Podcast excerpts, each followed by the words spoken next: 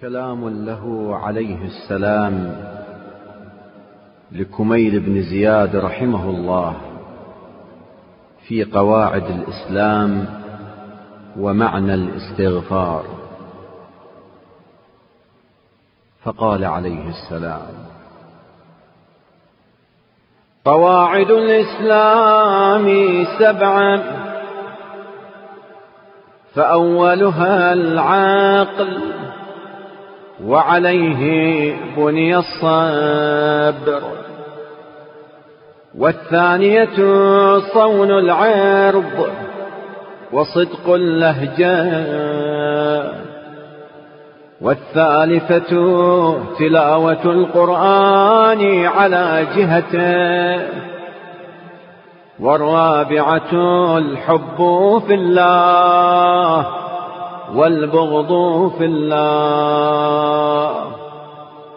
والخامسة حق آل محمد صلى الله عليه وآله وسلم.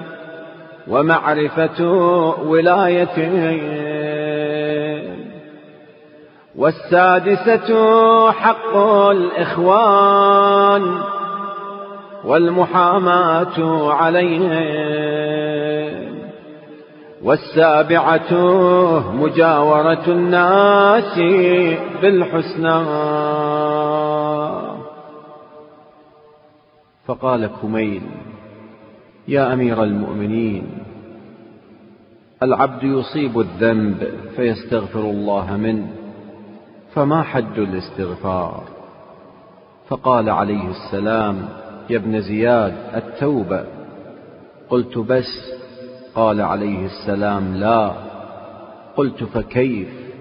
قال عليه السلام إن العبد إذا أصاب ذنبا يقول أستغفر الله بالتحريك. قلت وما التحريك؟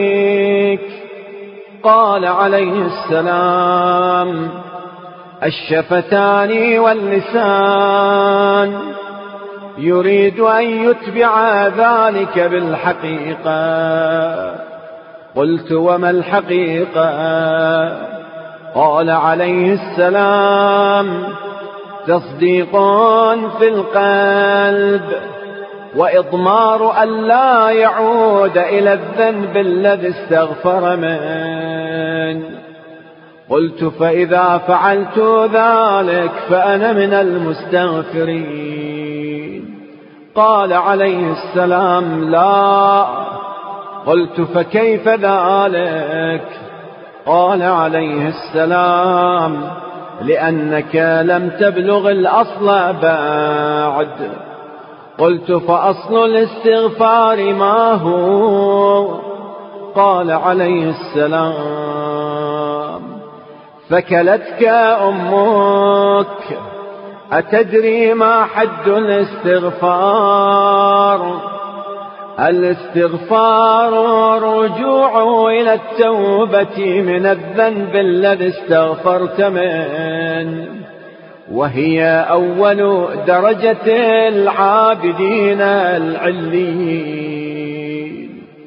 وترك الذنب والاستغفار هو اسم واقع على ستة معان.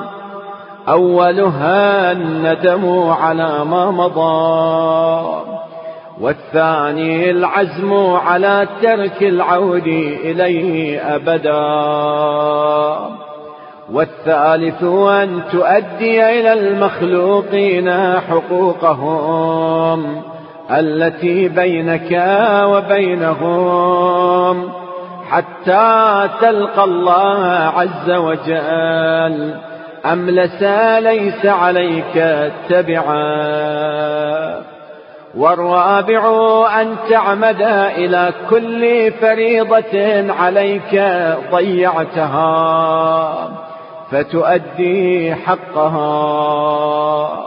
والخامس أن تعمد إلى اللحم الذي نبت على السوح والحرام والمعاصي فتذيبه بالأحزان حتى يلصق الجلد بالعظم وينشأ فيما بينهما لحم جديد. والسادس أن تذيق الجسم ألم الطاعة كما أذقته حلاوة المعصية فعند ذلك تقول أستغفر الله